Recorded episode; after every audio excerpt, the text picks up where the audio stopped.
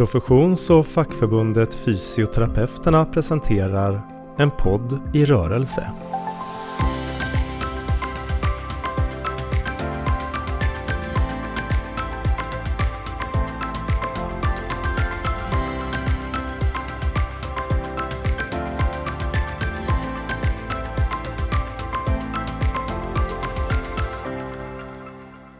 Idag ska vi prata om teamarbete i det här poddavsnittet och då har jag glädjen att säga välkommen till Sineva Ribeiro, förbundsordförande i Vårdförbundet. Välkommen hit Sineva! Hej, tack! Trevligt! Hur mår du idag? Jo, jag mår rätt så bra ska jag säga. Eh, vi har jobbat på i förbundet och vi har jobbat på här hemma för att skydda vår dotter som dessutom är hjärtsjuk och en riskperson. Så att eh, när man har någon sån i närheten och en pandemi på gång så får man tänka lite extra hur man beter sig och vilka man träffar. Så vi har i stort sett isolerat oss hela, hela våren ska jag säga. Vi har varit hemma, jag, hon och pappa, eh, i och med att hon inte får träffa någon annan, inte ens brorsan. Så att det har varit eh, ansträngt för det är väl inte riktigt det vi brukar göra, utan vi brukar ha mycket folk runt omkring oss. Så mm. Det är en ja, det är ett annorlunda liv tycker jag och jag tycker att det påverkar oss ganska mycket mer och jag tror egentligen att vi i Sverige inte riktigt har sett konsekvenserna av den psykiska ohälsan utifrån den här pandemin på långa vägar, tror jag. Mm. Det har verkligen förändrat det mesta och ställt eh, det mesta på, på, på kant. Eh, mm det är länge sedan du och jag såg Sineva. Vi brukar ju ses regelbundet i vår roll som förbundsordförande, men jag tror faktiskt inte att vi har träffats sedan i, ja, i vintras. Jag tror, jag, jag tror det, ja, i början på året någon gång. Helt, gal, helt galet. Ja, det är inte ja. vanligt riktigt. Mm. Nej, men det, det är, många som har drabbats av, av den här pandemin. Mm. Uh, så vad, när du tänker på pandemin, förutom det som du och din familj har, har drabbats av, vad, vad har du för reflektioner kring dem, lite kort? Nej, men jag tänker att det här har verkligen vänt upp och ner på hela det, hela det liv som vi är vana att leva. Eh, och det, jag tror så här, jag tror att det finns mycket gott ur det. Jag vill säga det, det finns väldigt mycket gott att använda en kris till att också utveckla och verkligen se till att att använda sig av det som har blivit positivt eh, i, en, i en fortsatt dialog tror jag är nyckeln till att också överleva på något sätt. Eh, sen finns det en hel del som, som jag tror att vi inte riktigt har sett eh, udden av utav eh, den här krisen och jag tror att den har verkligen vänt upp och ner på, ja, inte minst bland våra medlemmar för hela, hela hälso och sjukvårdens svarande och, och hur vi har en ledning och styrning av den hälso och sjukvård vi har i Sverige som alltid har varit väldigt, väldigt, väldigt bra och fortfarande på många sätt är väldigt bra, men där vi ser att förbättringar finns. Och det tror jag, det tror jag sätter upp och ner och sen så själv kan jag säga, jag har ju min mamma ensam i Portugal, eh, 80-årig i dam som jag försöker hålla inomhus i, i vårt hus instängd så mycket hon kan och där har ju andra vågen kommit nu väldigt tydligt eh, och smittspridningen ökar och dödsfallen ökar. Så att det, vi har inte kunnat träffa henne denna sommar, vilket vi brukar göra och hon kan ju inte åka därifrån utan vi får se hur det blir den här hösten. Eh, senast igår såg jag till att någon kom hem, kom hem till henne för jag vill inte att hon lämnar eh, huset. Så att det, det där är nej, det är inte enkelt. Det får oss verkligen att, att värdera andra saker i livet, tror jag mm. också. Mm. Ja, det, om vi har varit med om många saker tillsammans under vår, mm. vår tid som att leda fackförbund så är det här verkligen någonting väldigt omvälvande som har ställt det mesta eh, på kant. Men en sak, eller flera saker kanske, som du nämnde också, är ju sånt som vi verkligen kan lära oss av i positiv anda. Jag har ju fått många rapporter om att plötsligt gick det jättebra att samarbeta på ett sätt som man inte ens, ja man hade försökt, men plötsligt så bara gick det. Så, vad, vad, har, du, har du liknande signaler eller? Absolut, och jag tänker alltså, jag berättade precis det, jag som själv har veckopendlat liksom i snart åtta år till Stockholm eh, och varit där hela veckan. Och hur bra det funkar att ha vissa möten på distans och inte behöva resa, att inte behöva utlokalisera sig, men också saker i verksamheten där våra medlemmar finns, inte minst då som förbundsordförande, där, där, eh, det inte har gått att få in den här IT-lösningen och helt plötsligt så är den bara där. Det är klart att det går. Och det finns också ett lärande i det, tänker jag, att eh, vi som jobbar i hälso och sjukvården är väldigt mycket för att allt ska fungera. Det får inte missas någonting på vägen. Eh, men implementering är också ett lärande i sig, tänker jag, och det tror jag mycket har lärt oss, att det går faktiskt att få in saker och så kan vi lära under gång. Eh, vi vänder och vrider på det och oftast löser vi det rätt lokalt, bara det blir bra för dem vi finns till för. Och jag tänker att vi alltid försöker se till att det som vi håller på med inte drabbar ont den vi försöker eh, hjälpa. Och jag tänker att det är det har vi ju löst. Alltså väldigt, väldigt mycket av det. Och jag tänker att inte bara... Jag är lite orolig för det blir sådär, ja, nu är pandemin snart över, nu går vi tillbaka igen. Och jag tror att nej, vi ska inte tillbaka. Det är viktigt. Utan vi behöver verkligen använda den här krisen till att hitta de utvecklingsdelarna som vi har utvecklat under krisen och som är bra. Mm. Och de måste vi ju få behålla Eh, samtidigt som jag då är lite orolig för att nu är, nu är det som vanligt igen och nu ska vi fortsätta att göra som vi alltid har gjort. Nej, det kan vi inte, utan vi måste hitta de där vägarna att hålla i det som är bra, vilket jag tror är jätteviktigt för oss som professioner i hälso och sjukvården. Mm. När det gäller teamarbetet mellan fysioterapeuter och, och dina yrkeskategorier och många andra i hela teamet, så där, så har jag fått uppfattningen att även det har ju varit lättare, även om det fungerar väldigt bra på, i vanliga fall också, så har det, när det sattes på sin spets och liksom vi var verkligen tvungna att, att jobba ihop, då har det fungerat väldigt bra. Har du liknande signaler? Absolut har jag det och jag tänker också att jag tror att när, när man låter de som finns närmast, de vi ska finnas till för på något sätt, hitta lösningar, då gör vi ju det. Alltså vi är ju till för det. Så jag tänker att jag, jag får jättemycket sådana signaler där, där teamarbetet har fungerat extra bra för att vi har själva fått hitta de där lösningarna och då funkar det oftast. Och funkar det inte på plats så hittar vi nya vägar för att det ska fungera. Så jag tycker att, att, att vara problemlösare i teamet, det tycker jag vi är tillsammans väldigt tydligt. Jag tänker också att vi har jobbat ganska tajt med personcentrerade vården och hur den ska implementeras. Trots att vi har varit mitt i en pandemi så har vi hittat vägar för att faktiskt se den där individen som är i behov av stöd oavsett om det är en fysioterapeut eller en sjuksköterska eller en, en barnmorska så har vi hittat den lösningen. Jag tänker också att vi, behöver, vi kommer att behöva hålla fler bollar i luften och jag tänker att Ehm, det man säger internationellt handlar ju jättemycket om the person-centered care, alltså den personcentrerade, men den handlar också väldigt mycket om the people-centered care. Alltså för mig är det folkhälsoperspektivet ute i samhället och hur vi kan få grupper grupper ehm, att få en bättre hälsa där det inte bara handlar om en enskild individ utan vi, vi kan se att vi har grupper i samhället som behöver det och där jag tror att teamarbetet blir ett måste och där jag inte tror att det är det medicinska paradigmet som kommer att lyda där ute utan väldigt mycket många andra kunskapsområden kommer att behövas och där teamen kanske kommer att se annorlunda ut än vad vi är vana vid.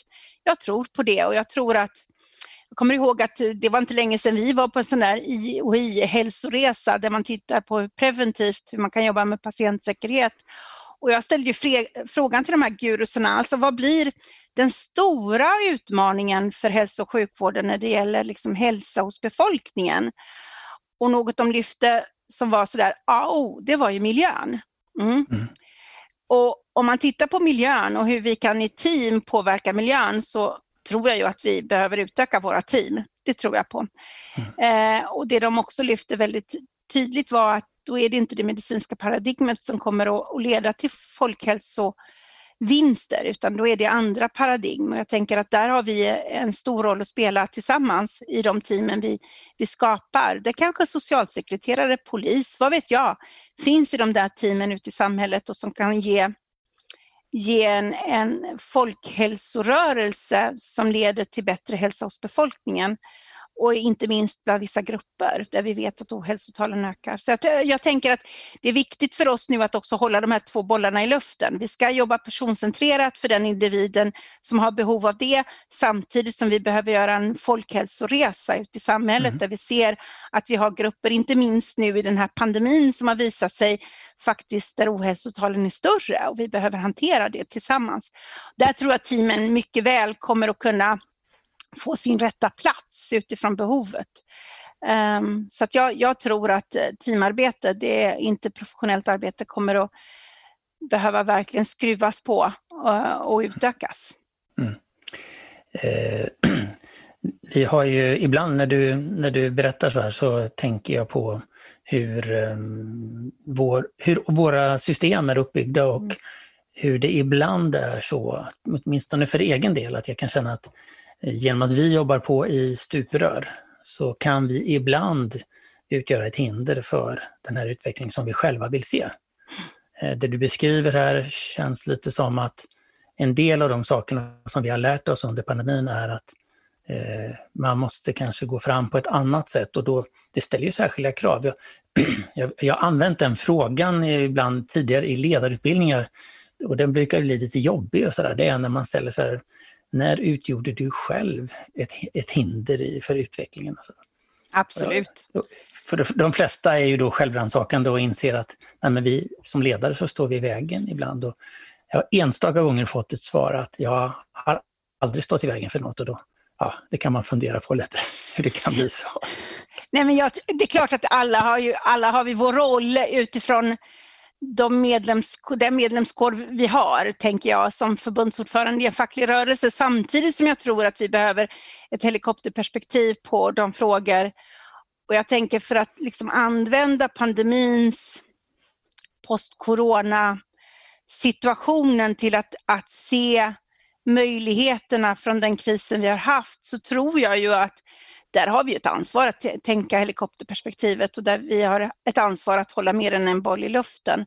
Så att jag, jag tror att det finns en, finns en oro i alla led kring, kring hur vi ska hitta lösningar på allt från postcoronavården, eh, eh, hälsoperspektivet, förebyggande arbete men också post verkligen post. Det är de som har haft symptom och som har behov av en rehabilitering som, som heter duga och där vi egentligen inte har riktigt koll på hur många som behöver det. Eh, och, och, som får de här lång, långvariga symptomen som är lite oroväckande och det kommer ju nya forskningsrön varje gång. Jag följ, försöker följa dem där. Allt från att hjärnan påverkas till att lungorna påverkas till att vi inte har sett hur påverkan egentligen är. Samtidigt som vi har en en resa i en omställning av vården i Sverige som jag tror att vi behöver hålla fler bollar i luften. Jag tänkte och, precis komma in på det här med god och nära vårdomställningen, så då, det, det föregrep du mig lite. Och det, det är ju, jag vet att du är väldigt engagerad i det.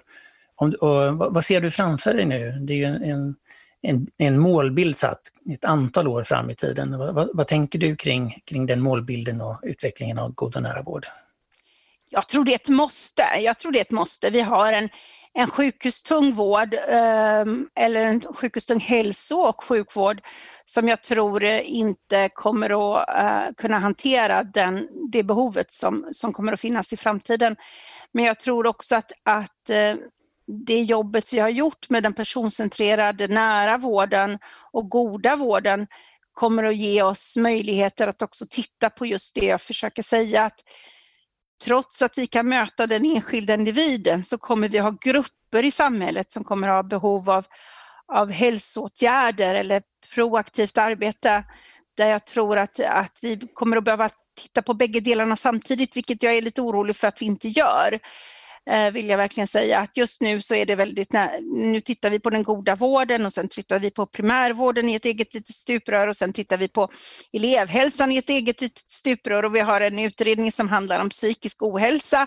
Ja men ni vet, vi, vi är fortfarande väldigt mycket för att liksom hitta de där stuprören. Alltså jag, jag har ju tänkt jättemycket på det här och jag tänker också att jag vet att jag redan för ett och ett halvt år sedan begärde en vårdkommission där jag hade en idé om att vi, vi professioner i hälso och sjukvården och yrken i hälso och sjukvården tillsammans med politiken skulle i alla fall försöka enas om tre, fyra saker gemensamt eh, och, och, driva dem tillsammans. För det är klart att jag också ser att vi ibland drar åt olika håll, vilket jag tycker är synd. Eh, vi kommer inte att nå så långt fram och jag tror inte den här coronakommissionen är tillsatt och har det uppdraget samtidigt som jag tänker att vi behöver verkligen som professioner och organisationer som finns där och leder hälso och sjukvård i Sverige ha flera bollar i luften. ja, vi ska bygga ut den eh, personcentrerade nära vården. Samtidigt behöver vi tänka på folkhälsoperspektivet och också proaktivt jobba med det. Så jag tänker att det är många delar som för mig är en god och nära vård och vi behöver också flytta ut saker. Eh, men blir lite orolig för att vi återigen utreder och utreder i stuprör. Det oroar mig lite. Mm. Det kan jag, jag brukar prata om att trappor ska städas ovanifrån. Och ibland så kan man fundera på när direktiven kommer ut allt för stuprörsmässigt mm. så, så har jag en känsla av att eh, man får gå långt upp i hierarkin och öka förståelsen för hur, det hänger, hur saker och ting hänger ihop. Mm. Annars mm. är det risk att man fortsätter på samma sätt. Men vi får hjälpas åt ja. att eh, ta den typen av tag. Och det kan man ju. Man, har, man är ju en ganska stark eh, talesperson för vikt, en viktig grupp när man är eh, förbundsordförande och man blir vald av sina medlemmar. Det är stort och högtidligt och det har både du och jag blivit både valda och omvalda. Och, eh, hur, länge, hur länge har du varit eh, förbundsordförande? Åtta år har jag varit förbundsordförande. Tiden har gått jättefort. Um...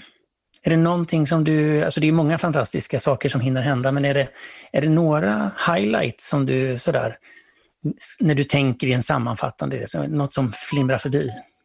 Men jag tänker, alltså allt är just den personcentrerade vården som vi drev ganska hårt i början på 2011 när jag valdes in och jag anställde Lisbeth Löpare Johansson som, som också skulle hjälpa mig att tänka längre än, än det här kortsiktiga. Så jag känner att den personcentrerade vården, den tar jag väldigt mycket på att vi har drivit och jag vet att i början när vi pratade om det så tittade folk lite konstigt på oss och idag så är det eh, ett vedertaget begrepp, vilket jag tror är ett måste i en hälso och sjukvård som också ser individen. Så att den är jag ganska stolt över. Jag tänker också att hela den här Alltså i en, i en komplex i en komplex hälso och sjukvård, vilket är bland de komplexaste organisationerna vi har i Sverige, så tänker jag också att, att den specialisering och den, den eh, både på bredden men också i stuprören som kommer att behövas. Alltså vi kommer att behöva hantera vården i de olika delarna. Allt från den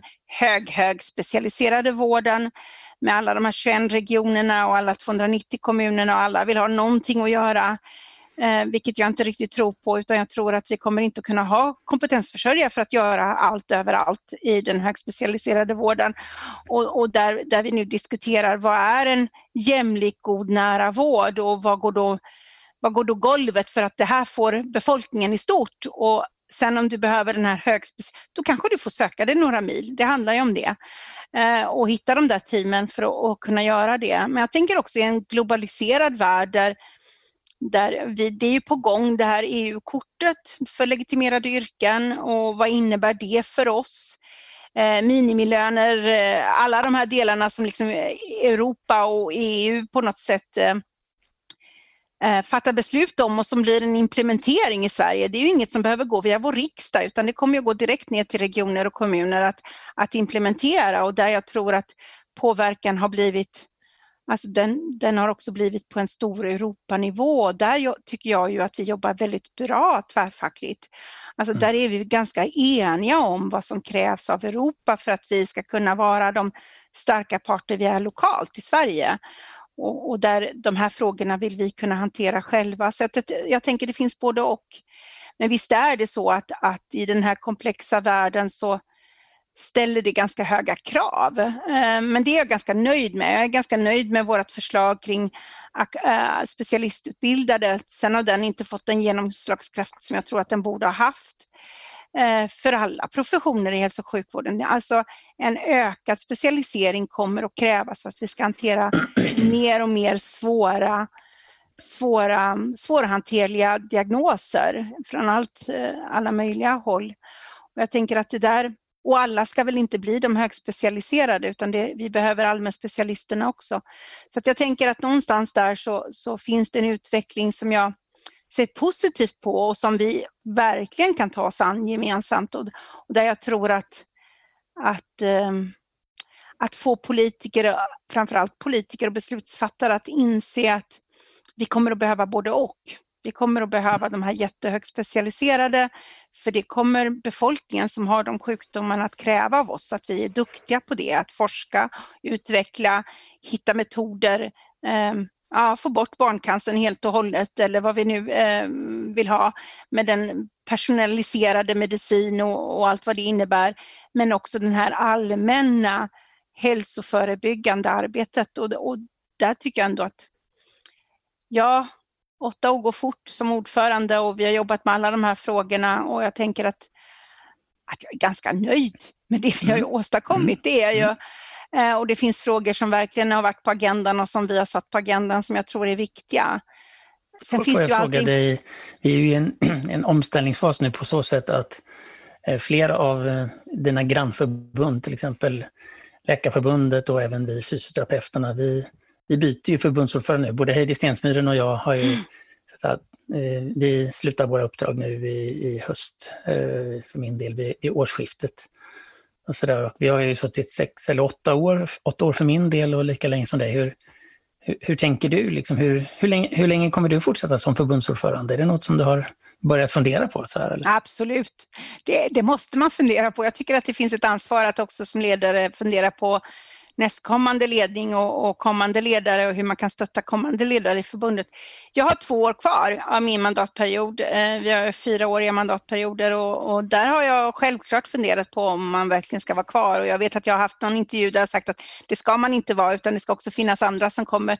Det här jobbet är liksom aldrig färdigt utan Ehm, det kommer någon ny som gör det här på ett annat sätt och som har andra idéer och som självklart kommer att fungera alldeles utmärkt och utveckla förbunden och medlemmarna i förbundet. Så att jag känner att ehm, man, man, för mig så var det viktigt att när jag ställde upp så frågade jag ju gamla kollegor, Eva Fernvall, Anna-Karin, men även eh, andra hur länge ska man sitta i ett sånt här uppdrag? Det är klart, vi, jag har varit borta från familjen, eh, jag har ju min familj i Göteborg, jag har veckopendlat i början väldigt, väldigt mycket. Um, och mm, då, då vet jag att Eva Fanvall framförallt sa, du måste sitta tre mandatperioder sin Eva, det går inte att bara sitta två.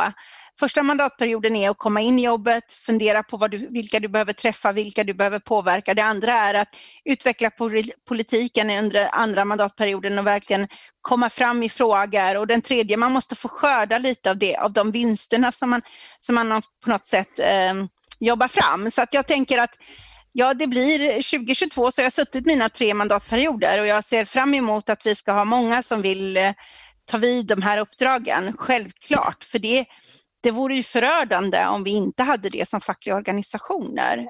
Um, och, och, det finns ett engagemang, så det är klart att det kommer nya ledare. Du, du fick mig att tänka på Thomas Tranströmer. Du, är, du blir aldrig färdig och det är som det skall. Precis. precis. Det hade jag... du som led, ledstjärna för utvecklingsarbetet när jag jobbade i landstinget i Kalmar län.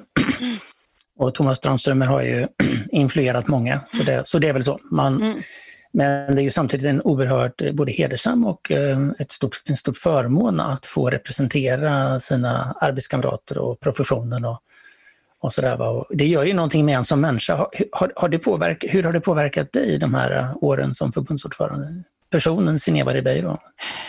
Alltså jag, jag tänker så här att det är en, en otrolig hedersam um, och vi har ju fyra yrken och jag har lärt mig massor om de här fyra legitimerade yrkena. Eh, själv kommer jag från akutkirurgin där jag har jobbat i väldigt många år eh, som sjuksköterska och specialistsjuksköterska och har fått lära mig allt men också lärt mig om hur komplext det är och hur lång tid saker tar att förändras. Så det är klart att det eh, förändrar en. Jag tänker att det som man har med sig som jag nog inte hade lika mycket innan, det är det här helikopterperspektivet och att se samman, sammanhang, alltså att finnas i de där sammanhangen och se att ja, men det där hänger också ihop med det där, vilket man kanske inte trodde från början. Så att, att, att få det här i helikopterperspektivet, jag träffade min chef för inte så länge sedan här då jag var på sjukhuset och då sa hon så här, gud tänk att få tillbaka dig och vilka frågor man skulle få. Och jag tänker samtidigt, nej det är inte jag helt säker på. Man kanske skulle låta bli att ställa de där frågorna. Tänk vad skönt att slippa ställa alla de där frågorna. Så att jag tänker, man har ju fått sig en kunskap som jag inte tror man hade fått annars. Och eh, lärt känna fantastiska människor i, i, som tycker saker som jag tycker är roligt också. Vilket jag tror, alltså hur många hur många av oss människor i Sverige är det som pratar vård hela tiden, hälso och sjukvård hela tiden, vilket många av oss faktiskt gör. Och där, där det finns en lärdom som jag tror att Nej, det skulle jag inte vilja vara utan, verkligen inte. Jag Träffat fantastiska medlemmar där ute som gör fantastiska saker och, och, som jag eh, verkligen ser som framgångsberättelser och som jag gärna använder mig utav. Så att, nej, det är verkligen ett hedersamt uppdrag. Mm. Och det, det, är väl så att eh, som, som ledare så har man ju ett väldigt stort ansvar också att se till att skapa förutsättningar för till exempel teamsamarbete. Mm. Eh, och det, även om du och jag och vi andra inte alltid tycker lika i sak, för det gör vi ju inte, eh, så är det ju ändå väldigt viktigt att man ser till att eh, sätta, sätta en bild av hur viktigt det är med samarbete och att vi anstränger oss att också när vi inte är överens att se till att ha dialogen igång, vilket vi är väldigt bra på tycker jag. Och att se till att, eh, att skapa förutsättningar helt enkelt för för våra medlemmar att fortsätta och öka samarbetet. Det, det är för de som vi är till för ytterst, nämligen för patienter. Där höll jag helt med dig om och det var väl lite det, den tanke jag hade kring en vårdkommission. Där jag ett tag tyckte att vi drog allihopa åt olika håll och kände att gud, hur ska vi... För jag, jag tror precis som du, även om vi tycker väldigt olika i väldigt många saker och vi har helt olika förutsättningar i, i den hälso och sjukvård vi finns i och medlemmarna finns i och medlemsgrupperna ser väldigt olika ut. Inte minst bland våra fyra, vi som har fyra, eh, så tänker jag så här att det finns några gemensamma nämnare där vi faktiskt är väldigt, väldigt eniga om och hur långt vi kan komma i dem, det har vi nog inte ens sett udden av, eh, vilket jag tror är fantastiskt. Mm. Och inte minst den nya kåren. Jag vill säga det, de nya, i, de nya utav våra kollegor som är på väg in i den här hälso och sjukvården i det här sammanhanget där vi har befunnit oss ganska länge. Jag har funnits här i 33 år inom hälso och sjukvården. Så tänker jag att de har en helt annan bild av, av hur de vill jobba, vilket jag tror är viktigt. Och där tror jag att du och jag har en väldigt gemensam sak, nämligen mm. att vi har ansträngt oss att i många sammanhang försöka lyfta fram vikten av att också ha med eh, unga medarbetare och studenter. Eh, det har ju rätt många gånger satt ytterligare fart på våra samtal och diskussioner när vi har haft med dem i rummet. Men det jag tänkte vi skulle ta oss in på avrundningen utav det här mm. för att jag tänkte upprepa Tranströmer en gång till, du blir mm. aldrig färdig och det är som du skall. Men nu ska du få möjligheten som alla andra gäster i den här podden att eh, för en dag tänka dig in i, om du vore statsminister, Sneva Ribeiro, för en dag, vilka beslut skulle du fatta när det gäller just teamarbete? Det är en stor och intressant fråga. Det ena jag skulle titta på om jag var statsminister, det var att ge ett uppdrag till utbildningsdepartementen om att titta på hur skulle utbildningarna redan på den nivån kunna eh, stärka det gemensamma. Det tror jag på. Ehm, jag tror idag att vi har olika universitet eh, och helt olika akademier som, som drar åt olika håll. Så att just att, att titta på eh, redan på studenttiden på hur man kan skapa förutsättningar för ett gott teamarbete där ute. Jag skulle nog också tänka utifrån folkhälsa och fundera på hur skulle teamen se ut, inte bara här och nu. Det är lite det vi jobbar med. Vi tittar på teamen som finns här och nu. Jag skulle vilja att man tittade också lite på hur skulle teamen se ut om tio år? Um, och vad tror vi om det och vilka, hur kommer teamen där att se ut? Och de här interprofessionella arbetena kommer att se lite annorlunda ut med helt andra team tror jag. Um, där jag tänker att IT-baserat ehm, liksom webblösningar och annat kommer att behöva komma in. Så att jag tänker att eh, titta på teamen om tio år. Vad mm. tror vi om det? Mm. Vilka bra förslag.